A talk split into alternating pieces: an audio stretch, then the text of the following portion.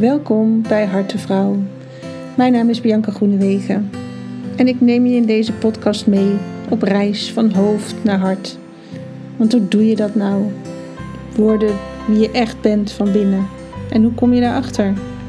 Hoe kun je weer thuiskomen bij jezelf? Super spannend.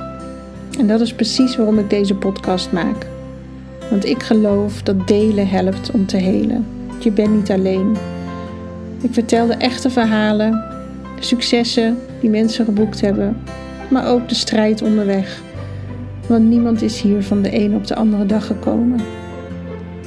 En ik hoop dat de gasten die ik interview jou inspireren om ook op zoek te gaan naar jouw sleutels. Zodat jij jouw reis maakt van hoofd naar hart. Die sprong van angst naar liefde. Ga je mee?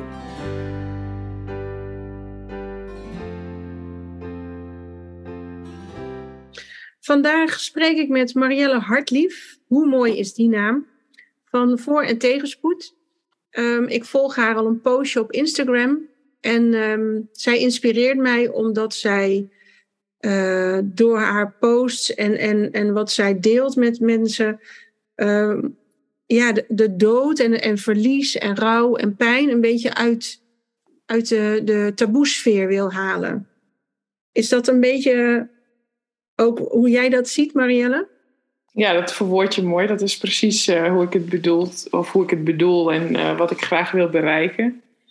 En ik denk dat het ook heel hard nodig is. Ja, dat geloof ik ook wel inderdaad. We hadden net heel, heel kort eventjes ook vooraf um, dat ik zei, hè, doordat we allemaal het er niet over willen hebben, creëren we een soort fantasiewereld hè, die er niet is. Ja, ja. Heb jij een idee waarom we dat doen? Ik denk dat uh, doordat we het allemaal heel erg moeilijk vinden om over andermans emoties te praten. Hmm. Uh, dat we eigenlijk altijd uh, verdriet en pijn en niet leuke dingen zo snel mogelijk willen oplossen. Of in ieder geval in een hoekje willen duwen zodat het niet nou een gezellige vriendenavond verpest. Even heel platgeslagen.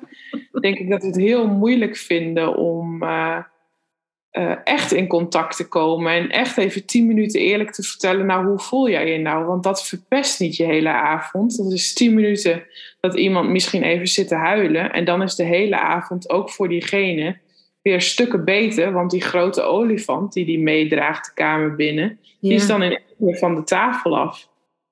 Ja, oh, dat is een mooie. Wat je, het is, hoeft niet de hele tijd verdrietig te zijn, als er maar ruimte voor is. Als er maar ruimte voor is. En die ruimte mag ook zijn van. Uh, nou, uh, ik vind het fijn dat je daarna gevraagd hebt, maar ik wil er niet over praten. Maar het kan ook zijn. Uh, nou, ik, ik huil daar even tien minuten om. Of ik zeg even tien minuten dat wat me dwars zit. En dan is de avond voor iedereen gezellig. Want heel vaak voor degene die de rouw ervaart, die heeft helemaal geen gezellige avond als het er niet over gaat. Want die denkt van, nou, ben je het dan nu al vergeten wat ik heb meegemaakt? Ja. Of doet het je dan helemaal niks dat ik zo, uh, het zo ja. moeilijk heb? Ja. En, en je zegt, mensen vinden het moeilijk om die emoties van die ander te zien. Ik denk zelf ook altijd wel daarbij dat ze daarin ook weer getriggerd worden in hun eigen emotie. En dat ze die niet zo heel graag willen voelen. Of als je een vriendin hebt die, die pijn hebt, en dat weet je stiekem wel. Maar um, als je het er dan maar niet over hebt, dan lijkt die pijn in ieder geval niet zo groot. En dat voelt zo oncomfortabel als jouw lieve vriendin pijn heeft, zeg maar. Ja, dat klopt. Ja, ja, maar ondertussen is dat natuurlijk wel een beetje de kop in het zand steken. Want uh, ja. jij, jij, jij gaat dan ook weer naar huis met het gevoel van... ja, shit, het gaat nog niet goed met haar, maar ik heb er niet naar gevraagd. Hoe zal het nou echt zitten? Ja. En dat is even heel makkelijk gezegd vanuit mij, hè, want het is ook hartstikke moeilijk. Mm -hmm. Ja, dat is ook zo. Maar daarom wel fijn dat jij dat platform voor- en tegenspoed hebt opgericht. Om ja. daar wat, wat meer ook handvat aan te geven. En, en het in ieder geval uit dat verdomhoekje te halen. Precies, ja, dat is echt mijn bedoeling. Om het uh, uit dat hoekje te halen en een beetje meer uh, normaal te laten worden. Iets meer in het middelpunt mag zijn van alles. Net als dat je vertelt dat je iets leuks hebt gedaan, mag je ook wel eventjes stilstaan bij iets wat niet leuk is. Ja. Ja, en kan je ook samen rouwen? Hè? Want je kan wel verdriet delen, maar dan heb je toch op je eigen manier de verwerking daarvan. Ja. Help, nou, helpt het om het ook samen te doen? Wat, wat helpt, eh, wat heel moeilijk is, eh, als ik eh, samen rouwen hoor, dan denk ik altijd aan families die samen rouwen om iemand. Maar is het in de vorm van zeg maar vriendschappen of een, een buitenstaande, dan helpt het juist heel erg om je verhaal te vertellen aan iemand. En ook voor de honderdste keer hetzelfde verhaal te vertellen, om al die puzzelstukjes op zijn plek te laten vallen. Mm als je het hebt over samen rouwen in een familie, is het natuurlijk heel vaak wel ingewikkeld. Want uh, die hebben ook om, om, hetzelfde, om dezelfde situatie, hebben die hun eigen rouw. Ja. En dat is gewoon heel moeilijk om dat in elkaar over te laten lopen. En elkaar daar altijd in te begrijpen. En uh, ik denk dat, daar, dat dat heel erg moeilijk is. Maar het is wel heel mooi als het lukt. Als je als familie zijnde uh, zo naar elkaars rouwproces kan kijken en daar begrip voor kan tonen. Ja, dat ieder zijn eigen deel daarin heeft. Precies, maar dat is wel heel moeilijk. Heel moeilijk, want je eigen pijn ligt eigenlijk nog te ver aan de oppervlakte. Precies, ja, precies. Ja. En, en jij bent rouwbegeleider, hè? rouw- en verliesbegeleider. Ja, klopt. Wat, wat houdt dat in? Ik begeleid mensen die, uh, nou, of die ernstig ziek zijn en die uh, daarin uh, het, verlies heel erg ervaren en hoe moet het nu verder. Maar ook mensen die na een overlijden eigenlijk in een zwart gat vallen en die dan graag daar handvaten bij willen en een luisterend oor, maar ook nou ja, opdrachten. Hoe ga je nou om met zo'n groot verlies en Ehm, wat kan ik daar voor jou in betekenen? Want dat is natuurlijk ook voor iedereen anders, want ieder rouwproces is uniek. Ja, ja dat klopt. Ik heb met mijn vriendin ook wel eens over gehad. Er is zo'n curve, zo'n rouwcurve waar je dan doorheen zou gaan. Maar zij zei ook, ja, dat is prima dat die fases er allemaal zijn, maar die zijn niet chronologisch of zo. Die, die fases die schieten door elkaar heen. En de ene keer zit je in fase 2 en dan schiet je naar 8 en dan ga je weer terug naar 2 en dan ga je naar 7 en weer 2. En dat is zo niet te voorspellen. Nee. En het gevaar van die, van die uh, fases is wel een beetje dat als je ze uh, opzoekt, hè, zeg maar mensen die gaan dat opzoeken. En dan vinden ze natuurlijk die fases altijd in dezelfde volgorde. Ja. En dan denken heel vaak mensen van ja, maar ik zit nu in fase 3. Ja. Uh, dus ik ben zo klaar, hè, er komen ja. er nu en en dan, dan is dat voor hun nog maar de eerste. En dan kan dat mensen echt soms uh, nou ook wel een beetje dat, dat van nou hè, verdorie ben ik dan anders en mm-hmm. doe ik het dan niet goed en nou ja, zo. Ja. En ik denk dat het heel belangrijk is om te vermelden dat die fases die je doorloopt bij een rouwproces, dat die niet uh, in dezelfde volgorde komen. En dat dat ook helemaal niet zo hoort. Het is gewoon prima als dat in een andere volgorde is, als dat je zus dat doet. Ja, misschien, want ik dacht ook van waarom moet dat nou ook weer in fases of in een soort protocol worden gegoten, alsof je dus verkeerd kan rouwen, zeg maar. Daar geloof ik niet zo in. Nee. Ehm, maar misschien bedoelen ze het wel als een soort van houvast, dat je denkt, hé, hey, het voelt nu anders. En dat dat dan toch weer een naam heeft gekregen in een van die fases of zo ja, dat, ik denk dat het uh, vanuit de theorie, uh, vanuit de boeken, was het, uh, was het nodig dat die fases er zeg maar zijn. Want dat, dat klopt natuurlijk wel. Alleen um, vanuit de persoonlijk en als je er zelf middenin zit, dan is het wel een beetje genuanceerder. Ja, en dus ook niet zo dat je hem in één keer doorloopt. Want hij schiet gewoon steeds weer terug. En er zullen fases zijn, die moet je wel vijf keer doorheen. Precies. En er, zal een fase zijn die je misschien wat makkelijker pakt. Ja. Uh, En daar ook jezelf weer wat coulance in geven misschien.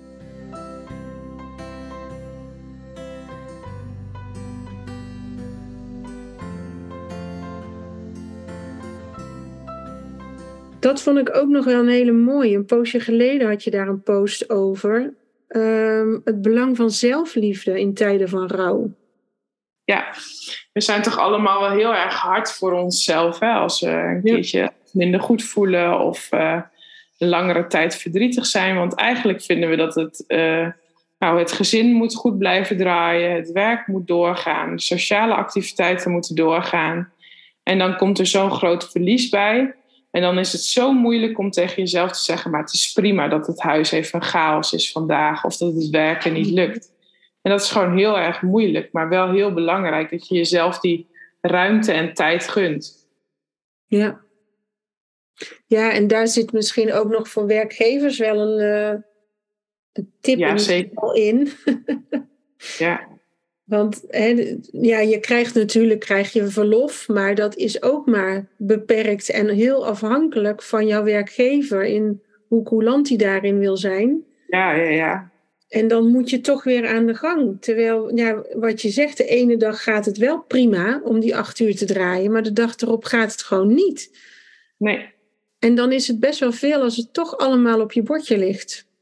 En als je dan het hebt over rouwverlof, bij sommige werk, uh, werkgevers gaat het echt om een dag, hè? Ja. Dan uh, heb je vrij voor de dag dat degene is overleden. En uh, dat, je weer, dat, de, dat de uitvaart is. En daarna en daartussen moet je gewoon aan het werk. Ja. En dat Ja. gebeurt echt. Ja. En Ja. daar schrik ik altijd wel een beetje van. ja, dat kan je bijna niet voorstellen.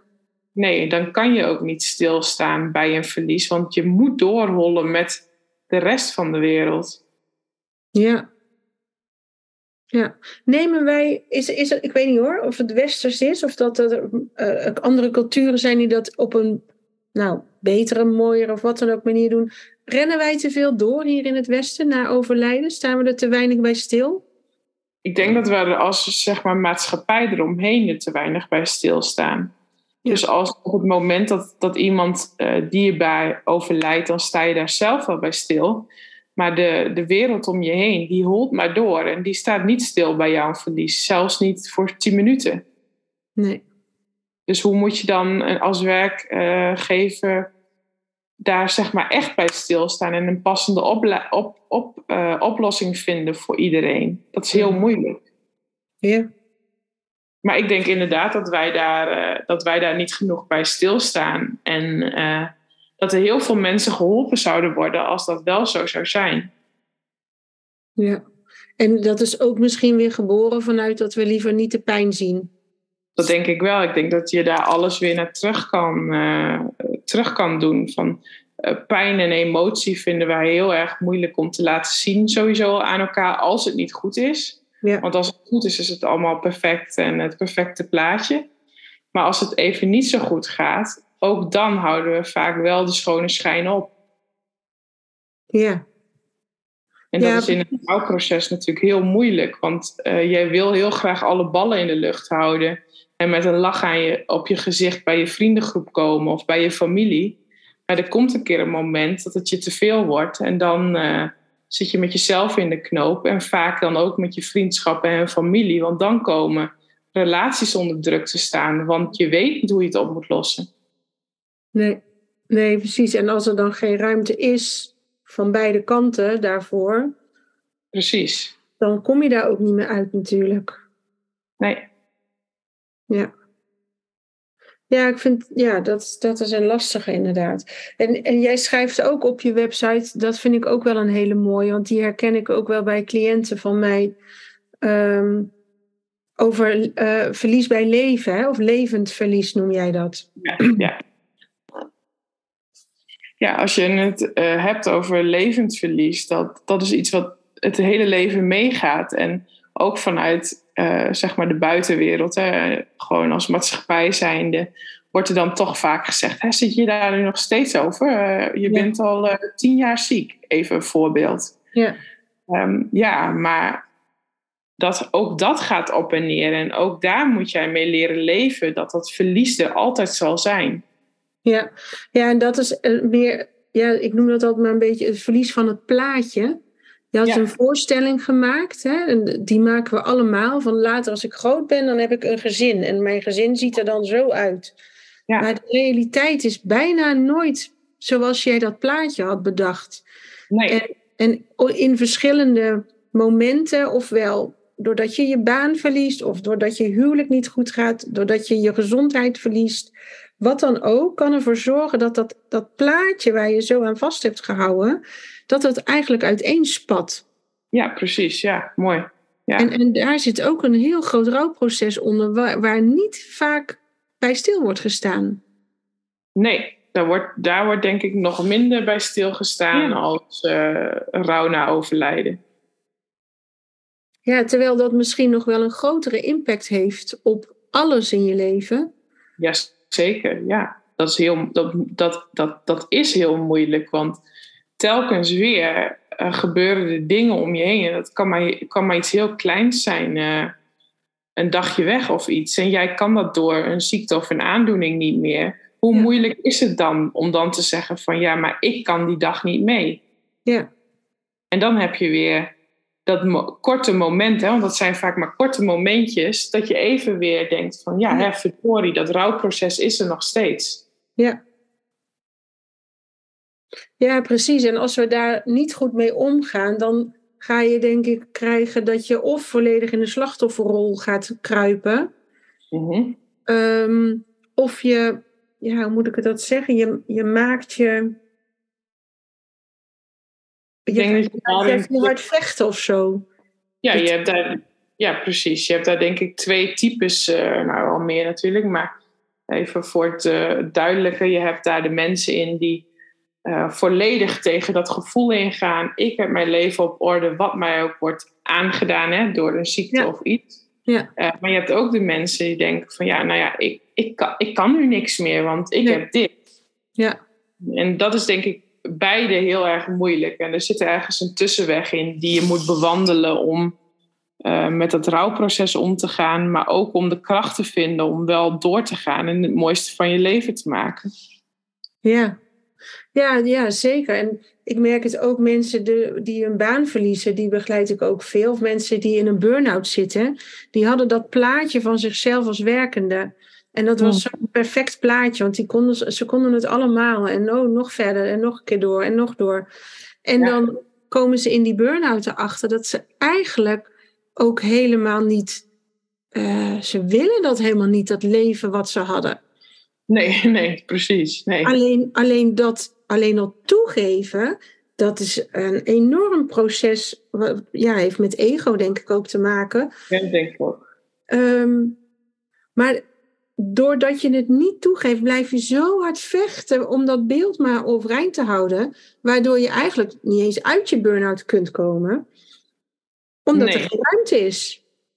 Het, het, het- ik denk alleen dat, dat mensen zeg maar, in een burn-out, die, die hebben nog wel eh, de hoop op, eh, ik noem ik nu even weer een soortgelijk iets, waar Ja. ze weer hun, hun, nou, hun ei in kwijt kunnen. Alleen zieke mensen, Ja. die hebben heel vaak natuurlijk dat vooruitzicht niet meer. Dus dat, dat rouwproces wat iemand in een burn-out heeft, dat, dat is heel heftig. En, en, maar die hebben wel hoop. Dat is Maar ja. ja, die mensen die ziek zijn, die hebben die, dat vooruitzicht en die hoop niet meer. Nee. En dan is het natuurlijk nog moeilijker van hoe geef ik dat plaatje wat ik in mijn hoofd, heb, hoofd had een Ja. draai, zodat hij weer past bij wat ik kan en wat, wat, wat, wat nog lukt. Ja. ja, zodat je toch weer die, die joy of life kan voelen. Precies, ja. Met je beperking, ja. Ja. ja. Want jij hebt zelf ook een ongeluk gehad. Klopt. Ik, En dat eh, heeft ook gevolgen voor jou. ja, ik ben. het even denken. Ik ben nu zes jaar geleden eh, van paard gevallen. Ik zat toen in het laatste jaar van fysiotherapie. En toen kon ik niet meer zitten. Ik ben drie keer geopereerd aan mijn rug. En ik heb zenuwpijn en uitval in mijn been. Ehm, langdurig zitten lukt niet meer. Waardoor je natuurlijk heel veel eh, dingen eigenlijk wel weg kan strepen in het normale leven. Wat, wat dan niet Mhm. meer lukt. Ehm, ik ben toen eh, uiteindelijk hebben de artsen gezegd van, nou ja, weet je, het is niet realistisch dat jij als fysiotherapeut aan het werk gaat, want het werk is gewoon te zwaar. Ja. Toen kwam ik eigenlijk wel een beetje in een, in een zwart gat terecht en dacht ik van, ja, hè, daar heb je je zoveel uitgesloofd. Je had daar zo je, je toekomstdroom bij. En dat is nu kapot gemaakt door door wat eigenlijk? Nou ja, dan ga je wel een beetje in gevecht met jezelf en met wat je nog wil. Uiteindelijk uh, nou, heel veel uh, nagedacht, veel gepraat met de mensen om me heen. En uiteindelijk uh, de stap gemaakt om hierin heel veel te gaan leren uit de boeken en dat samen te brengen met mijn eigen ervaringen. En zodoende is voor een tegenspoed geboren. Ja, bijzonder, want anders was dat er nooit gekomen. Anders was dat er niet geweest, nee. Nee.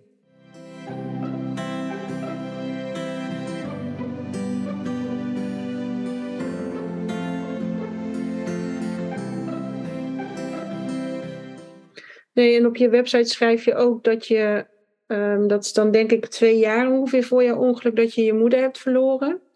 Klopt, ja, dat is twee jaar daarvoor. Ja, en dat je die periode eigenlijk juist zo ervaren hebt dat het zo Ehm, mooi en dankbaar bijna was met elkaar. Ja, die periode daarvoor was een hele lange tijd ziek. Maar de laatste, nou noem ik het even, het laatste anderhalf jaar leef je natuurlijk heel intens met elkaar. Want je weet dat ze komt te overlijden. Zij, uh, ze had een uh, levensverwachting na de diagnose van een half jaar. Daar heeft ze mhm. zes van gemaakt. Maar in die zes jaar leef je iedere dag alsof het de laatste dag is. En het is echt waar. Ja. En dan leef je zo intens samen en dan uh, wordt eigenlijk alles direct besproken waar je maar mee zit. Uh, geen ruzie wordt een uur uitgesteld. Uh, nou noem het maar. En ehm, ik hielp mijn moeder overal mee. er is nooit geen zorg in huis geweest voor de dagelijkse zorg, zeg maar. Ze is altijd thuis gebleven. En daarin hebben wij natuurlijk heel intens samengeleefd. En dat was heel mooi en dankbaar en liefdevol. En mensen die verwachten altijd dat het een rottijd was voor ons als gezin. Maar dat was helemaal niet zo. Nee. En de verwachting van de mensen om ons heen was toen mijn moeder overleed van nou nu hebben jullie rust, nu zijn jullie weer blij. En dat was helemaal niet zo, want wij hadden voor ons idee de rust toen ze er was. En ja. het plezier en de liefde. En dat was in één keer allemaal weg. Ja. En ook daar kom je denk ik weer op uit van mensen die vullen dat zo voor zichzelf in hoe dat moet zijn. Terwijl ze daar geen voorstelling van kunnen maken, want dat is gewoon heel moeilijk.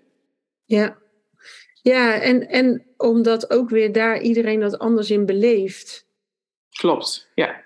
ja want jullie hebben dat dus niet als een last ervaren. Ehm, en ik, ik hoor ook wel eens mensen die dus enorm, want jij noemt ook mantelzorgers als speciale doelgroep op jouw website. Ja. Ehm, mensen die heel lang voor iemand hebben moeten zorgen. Daarbij is ook het overlijden soms een soort opluchting, omdat dat, dat zware zorgen of zorgen maken om iemand wegvalt. Natuurlijk komt daar wat gemis voor in de plaats. Maar dat zorgen kan ook zo zwaar zijn. Maar ook dan denk ik, hè, natuurlijk zorgen is heel zwaar, maar je hebt dat jarenlang gedaan en jouw leven is ingericht omdat jij die, die zorg verleent. En iemand die komt te overlijden, en dan in één keer is jouw leven ook, wat, wat moet ik nou? Want anders deed ik dit en dit. Dan moet de hele, hele dag moet een nieuwe invulling krijgen. En ook dat is rouw. Ja, inderdaad, zeker. Ja, die invulling verandert gewoon helemaal. Ja, en daar gaan mensen vaak heel snel aan voorbij. Want dan krijg je van, lekker voor jou ook, hè? Nu kun je je eigen gang gaan. Ja. ja, dat is hartstikke lekker, maar op dit moment niet. Nee. Nee, en dat mag. Dat mag, precies, ja. Ja. Ja, mooi. En um, jij bent dus van het paard gevallen, dus jij was daarvoor in ieder geval ook al gek op paarden, maar jij gebruikt nu paarden ook om mensen dus te begeleiden, te helpen. Ja, dat klopt. Je ziet toch vaak wel dat uh, mensen uh, bij dieren en dan vind ik de paarden daar heel erg mooie, een mooie spiegel in. Uh, maar ik denk dat alle dieren dat wel een beetje over zich hebben. Dat mensen toch um, minder, uh, noem ik het even stoer, hè? dan snap je denk ik wel hoe ik dat bedoel. Mm -hmm. Mensen laten eerder het achterste van de tong zien. Uh, dan dat, ze dat, dat ik dat één, één op één zou moeten bereiken. Mensen komen in, in minder contactmomenten veel sneller tot het punt waar echt de pijn ligt. Ja, en wat doet zo'n paard daarin dan? Ja, eigenlijk spiegelt een paard gewoon wat jij, nou ja, wat jij voelt. Ja. mensen die, ja, die zijn soms overtuigd van iets waarvan ze denken, ja nee, dat, daar ligt de pijn niet, dat is hem niet. En dan zie je toch aan de paarden van, ja, maar dat, dat, dat is niet waar, er, er is iets anders. En dan kom je uiteindelijk altijd toch wat tot hele mooie, nou, tot conclusie dat, dat het inderdaad niet dat is, maar dat er iets anders was, wat eigenlijk nog veel meer pijn doet en waar ze eerst wat aandacht aan moeten schenken. Ja, dat er nog iets voor stond. Ja, precies. Of, of iets anders waarvan ze dat uh, misschien niet hadden verwacht dat dat, het, dat, dat uh, zo'n grote invloed zou hebben. Ja. ja, dat ze het al met hun hoofd proberen te beredeneren. Want het zal wel dit of dat zijn. Ja, ja. En daarmee hou je je ook alweer weg van de realiteit en wat er werkelijk aan de hand is. Ja. Ja, en je gevoel, hè? want het gevoel, het, het, denken wat wij zeg maar doen en de verwachtingen waarvan wij denken dat wij aan moeten voldoen, uh, die komen ook bij de emoties kijken. Ja. En daaraan, daarna handelen we tegenover mensen, maar tegenover een dier maakt dat niet uit, want een dier vindt daar niks van. Die, die vindt niet dat jij uh, een arts moet zijn. Of, uh, maar dat jij een mooie auto hebt. Of uh, dat jij je aanstelt. Of juist heel stoer bent. Of even heel zwart-wit allemaal, hè? Ja. Ja, mooi. Nou, ik heb zelf paardencoaching al heel lang op mijn lijstje staan wat ik een keer wil gaan doen. Maar ik, ik ben ook echt wel bang voor zo'n groot paard. Dus dat houdt mij nog steeds een beetje tegen. En dat zal alles zeggen over mij hoor. Maar um, denk ik, ja, kan het dan wel? Of hè, hoe ga ik zo op mijn gemak zijn om dat toch uh, te kunnen? Ja, dat, dat, dat is een. Uh, um, er zijn heel veel mensen bang voor paarden, maar dat is een. Uh, dat is eigenlijk iets wat heel snel ook opgelost is als je er dan bij staat. En dat je dan, je kan ook wat afstand bewaren. Of dat, mm. dat, dat, dat gaat eigenlijk vanzelf. Dat, dat vertrouwen, dat is direct. Ja. Oké, dus gewoon doen, zeg jij. De overheen en gaan. gewoon ja, want kan doen. zeker paardencoaching kan op alle facetten. Hè? Dat is niet alleen bij rouw- en verliesbegeleiding, maar dat, dat gaat ook op alle, ja, ja, alle manieren. Mooi. En um, naast dat jij alles bespreekbaar maakt, geef jij ook tips en dergelijke op jouw uh, site en ook op Instagram, jouw posts. Um, je hebt ook een webshop, zag ik. Hoe kom je daartoe? Um, in de tijd dat ik. Uh, ik kan natuurlijk niet hele dagen volhouden met uh, één op één begeleiding. En uh, dan tussendoor moet ik lopen of liggen. En de, in die tijd ben ik eigenlijk heel veel ook na gaan denken van wat voor producten kan ik nou ontwikkelen om bij te dragen aan een rouwproces of bij een verlies. En zo zijn er verschillende producten tot stand gekomen die ik aanbied in mijn webshop. Wat leuk. Ja, ik zag ze. Het zijn echt wel heel mooi hoor. De mooie houten doosjes. En dan is de ene met handgeschreven kaartjes die je dan kan achterlaten voor je kinderen. Als je vroeg komt te overlijden bijvoorbeeld.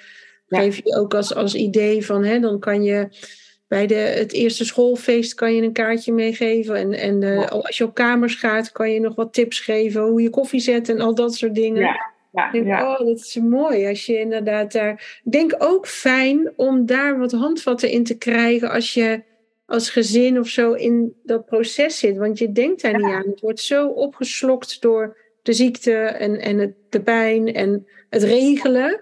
Dat je soms niet eens aan dit soort dingen denkt. Nee, en het, en het voor, de, voor zeg maar de nabestaanden is zoiets een heel, heel fijne houvast in zo'n rouwproces. Ja.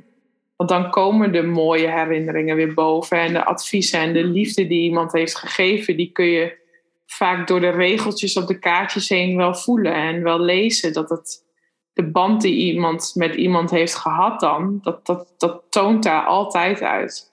Ja, ja. Ja, heel mooi. Ja. Supermooi wat je doet. En daarnaast las ik ook nog dat je ook stervensbegeleiding doet. Dat is toch wel weer iets heel anders. Of, of zie je dat wel in het verlengde van elkaar? Nou, dat is vaak natuurlijk, of natuurlijk, maar dat is vaak in mijn geval ook de mensen die, uh, die ernstig ziek zijn geworden, die komen dan bij mij. Mm als ze al ziek zijn. En eigenlijk verloopt dat proces, dat is vaak samen met kinderen, gaat dat gewoon door. Dus ik heb een verschillende opleidingen en cursussen gedaan, stervensbegeleiding. Uh, maar het is wel met de kanttekening, zeg maar, dat het vaak met mensen is die ik uh, heb leren kennen toen ze ernstig ziek werden. En daarna eigenlijk gewoon de begeleiding willen van mij, bij hun gezin en bij hunzelf. Omdat je ze gewoon al kent, voelt dat dan vertrouwd? Ja, dat denk ik dat het zo is. En uh, ja, uiteindelijk vind ik, vind ik het mooier om. Um, vind ik het sterven begeleiden begeleiding vind ik zelf heel moeilijk. Mhm. Eh, gewoon eh, met mijn eigen emoties. En uh, het, dat, dat vind ik heel erg moeilijk. En daarmee nou, vind ik dat een hele mooie en dankbare bare taak wat ik voor mensen mag doen. Maar diep in mijn hart zou ik dat niet heel veel kunnen. Dat zou ik niet volhouden. En dat voelt dan soms zo moeilijk ook als degene die er dan buiten staat. Want dan natuurlijk kan je heel veel bieden en kan je heel veel steunen en helpen en handvaten aanbieden. Maar toch is het zo moeilijk om te moeten zien dat mensen zoveel verdriet hebben en door zo'n moeilijke periode moeten gaan en hun geliefde ouder of noem het maar moeten missen omdat bijvoorbeeld uh, kanker in hun leven kwam. Ja. Ja, ik kan me heel goed voorstellen ja, dat daar wel echt een groot verschil in zit. Ja.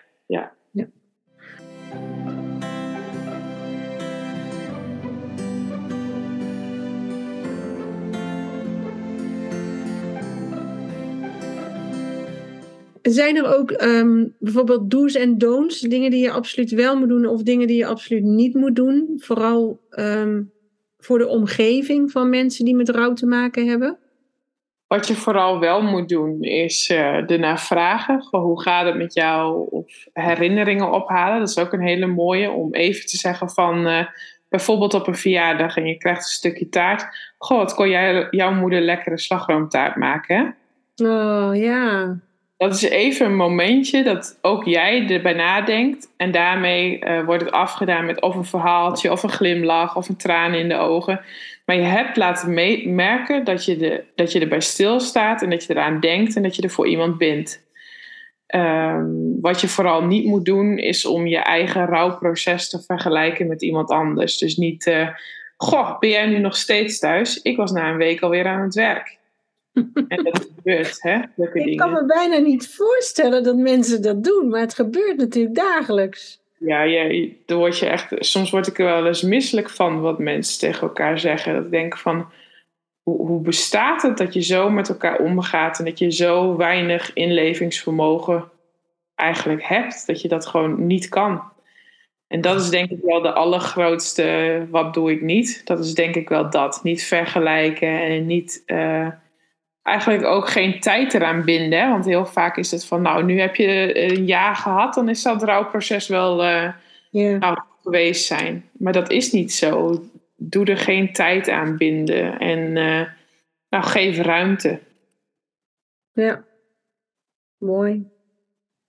En je schrijft ook bij kinderen benoem de waarheid. Hè? Dus niet opa slaapt, maar nee. opa, dood. opa is dood ja, wees, wees uh, duidelijk en uh, maak er niet te veel, uh, niet te veel verhaal omheen. als je zegt van opa die slaapt, dan worden kinderen bang om te gaan slapen. Want als je gaat slapen, ga je dan ook dood, net als opa. Mm Dan net zo bij te liggen. En kinderen kunnen dat niet, die kunnen dat nog niet los van elkaar zien. En die kunnen dat niet zo, net als beestjes die mama ziek maken dat, dat, dat, dat snapt een kind niet. Dus beestjes, moet je dan bang zijn voor beestjes? Wat, wat bedoel je dan precies? Dus dan is het beter om te zeggen: mama die heeft kanker. Ja. Of opa. Uh, is denk ik dat woord is, is nog voor heel veel mensen moeilijk om uit te spreken. Want dat hoor ik ook gewoon van volwassenen onder elkaar. Want, ja, heb je gehoord van die? Ja, die heeft kanker. En denk ja. ik, waarom mogen we dat niet zeggen? Je zegt ook die heeft longontsteking. Ja, en het is gewoon zo. Diegene die heeft kanker, en dat is hartstikke erg. Maar het is wel de realiteit. En helemaal de realiteit voor op dat moment dat gezin. Die zitten er mooi mee. Ja, ja precies. En ik denk dat dat het belangrijkste is bij kinderen. Wees, wees direct en neem je kind mee. Neem je kind mee in zo'n proces. Vraag je kind ook van: wil je bij de uitvaart zijn? Leg uit wat er gebeurt. Er zijn heel veel mogelijkheden om, om daarbij boekjes of noem het maar uh, aan te halen. En, en leg uit wat gaat er gebeuren? Wat kun je verwachten? En stimuleer ook dat kinderen dan meegaan, want het, het draagt echt bij aan het rouwproces. Echt, echt, echt. Ja. Ja, geloof ik ook wel, ja. En je ziet ook wel eens, dat, dat vind ik ook altijd wel mooi, als er inderdaad een moeder of een tante is overleden, dat de kinderen dan ook de kist versieren of verven of zo. Ja, precies. Dat is, de, dat is voor kinderen ook een manier om iets te kunnen doen. Hè? Uh, kun jij nog een uh, tekening maken?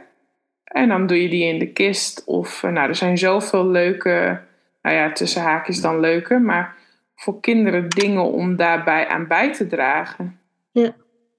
En dat geeft hun wel het gevoel dat ze iets bijdragen.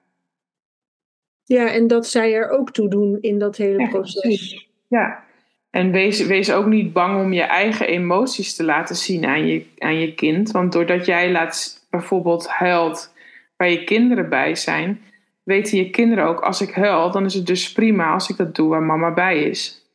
Ja.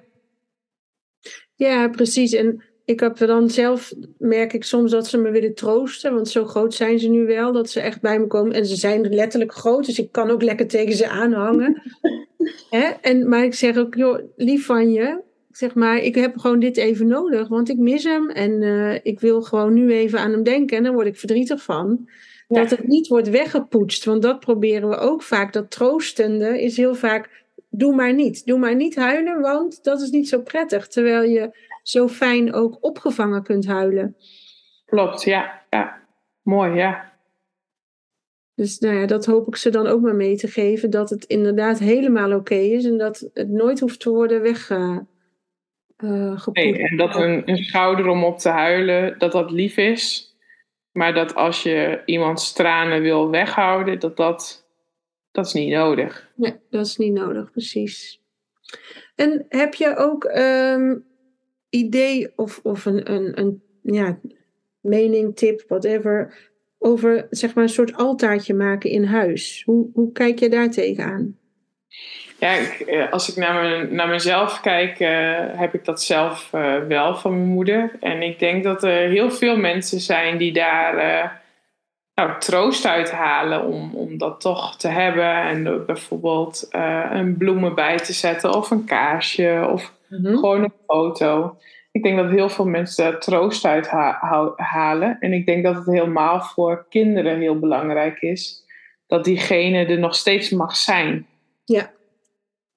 Dus doordat je iemands foto's en iemand in verhalen meeneemt, mag diegene er nog steeds zijn. En ik denk dat je dat daarmee uh, mee ook laat zien. Een, een klein her, een gedenkplekje in huis. Ik denk dat het heel veel troost biedt, maar dat zal niet voor iedereen zo zijn. En niet iedereen die kan daar denk ik mee omgaan. Maar ik denk dat het voor heel veel mensen heel veel troost biedt. En ja. schaam je daar ook vooral niet voor, hè? dat je dat in huis hebt. Want dat gebeurt ook, dat mensen dan, ja, maar dat vinden anderen wat van. Ja, maar het is helemaal prima. Ja. Ja, het gaat niet om die anderen, het gaat gewoon om jou. En zolang je dat nodig hebt, is het oké. Okay. Ja, ja, ja. En het kan heel simpel, hè. Uh, even, even een beeld schetsen. Ik heb een uh, kast en daar staat een foto van mijn moeder en mij in. Met een kaarsen voor. En als ze jarig is dan zet ik daar haar lievelingsbloemen bij. Ja. En dat is het. Het hoeft niet een heel uh, tafeltje te zijn met allerlei dingen, maar ook dat is goed. Alles is ja. goed. Ja, precies. Maar ik kan me voorstellen dat, um, moet ik het zeggen, soms, uh, tenminste dat merk ik bij, bij cliënten die ik dan hier in de praktijk krijg, dat ze ook soms heel erg diegene levend willen houden. En dat vind ik een hele mooie gedachte. Maar degene is dood. Dus je hoeft hem niet levend te houden. Snap je hoe ik dat bedoel? En dat bedoel je dan in, in verhalen of in, in keuzes? Ja, Nou ja, in verschillende dingen hoor. Maar ehm, soms lijkt het voor iemand ook moeilijk om verder te gaan uit schuldgevoel voor die ander, omdat die er niet in is. Ja, ja, dat klopt. Dat is denk ik bij, uh, bij veel mensen een, uh, een groot, groot ding. Dat ze het schuldgevoel van nu doe ik dit, maar dit had jij ook heel mooi gevonden. Of nu doe ik dit, maar ja, en dat is denk ik echt de, de, het rouwproces. Hè? Hoe, hoe leer ik daarmee omgaan? Dat het leven nu zonder diegene is. Dat is een hele grote leegte die opgevuld moet worden. Maar ook dat schuldgevoel, dat moet er even zijn. Want ook daar moet je bij in achter komen van... ja, maar ik ben daar niet schuldig aan. Ik voel me daar schuldig over, maar ik ben niet schuldig. Nee, Nee, precies. En, en eh, dat je het aan kan nemen van, ja, diegene is dood, maar ik leef. En ik mag ook leven. Ja, ja, ja. Ik heb recht om te leven en ik heb recht om plezier te maken. Zelfs met de pijn erbij mag ik plezier maken. Ja, dat klopt. En dat is uh, rouw en geluk naast elkaar. Hè? Van, het, mensen denken van, ik kan niet rouwen ik, als ik gelukkig ben, dan rouw ik niet. Of ik kan niet rouwen als ik gelukkig ben. Maar dat, dat is niet zo. Nee. Rouw en geluk staat ook naast elkaar. Dat is ook gewoon uh, in elkaar verweven. Want het gaat ook gewoon door. Er zijn ook mensen dat je, momenten dat je moet lachen en dat je plezier hebt. En dat je gelukkig bent. En er zijn ook mensen, momenten dat je verdrietig bent en het niet meer ziet zitten. En het is allemaal oké, maar het kan gewoon naast elkaar bestaan en daar hoef je je niet schuldig over te voelen. Nee, precies. Of de, inderdaad dat je merkt van hé, hey, ik heb er nu even, ik had het zo fijn vanmiddag, ik heb er helemaal niet aan hoeven denken. Oh jee. Ja. Zo. En dat, dat is allemaal oké. Dat is prima en dat hoort erbij. Dat heeft uh, kijk, niemand, niemand praat daarover. Hè? Niemand zegt van, uh, oh, ik was uh, vanmiddag zo gelukkig en nou vanavond dacht ik van, ja, nou ben ik eigenlijk wel een beetje mijn boekje te buiten gegaan, want ik moet rouwen. Dat zegt niemand. Nee, maar dus ik denk dat iedereen voelt het wel. Ja, precies. Maar doordat dat niet besproken wordt, denkt iedereen dat hij daar alleen mee is. Dat is helemaal niet zo. Nee. Oh ja, joh. Hebben we daar nog veel stappen in te maken hè? als samenleving met elkaar, voor elkaar? Ja, heel veel. Ja. Nou, mooi dat je dit werk doet. Dankjewel. Heel mooi. Um, als mensen jou willen volgen, kunnen ze je op Insta volgen voor een tegenspoed. Of even een kijkje nemen op jouw website voor een tegenspoed.nl. Ja. Um, is dat het? Heb je nog een uitsmijter? nee, dat is het. Oké. nou, enorm dank voor je tijd. Jij ook, ja. En voor je mooie werk ook. Want ik denk dat je daarmee gewoon de hele samenleving een groot plezier doet. Dankjewel, dat hoop ik. Als we dat allemaal stapje, stapje voor stapje gaan, gaan doen en dit bespreekbaar gaan maken, dan wordt dat een olievlek waardoor de dood geen taboe is, maar gewoon hoort bij leven. Daar gaan we voor. Ja, hè? mooi. Oké, dankjewel Marion. Jij ook bedankt.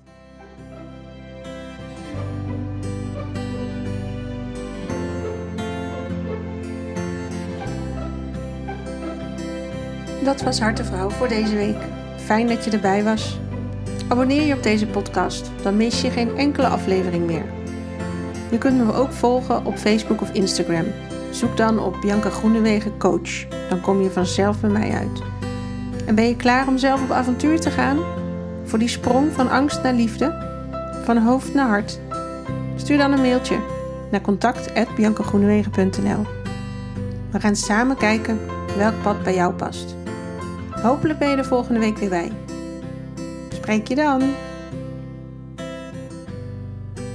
En niet vergeten, jij bent perfect, precies zoals je bent.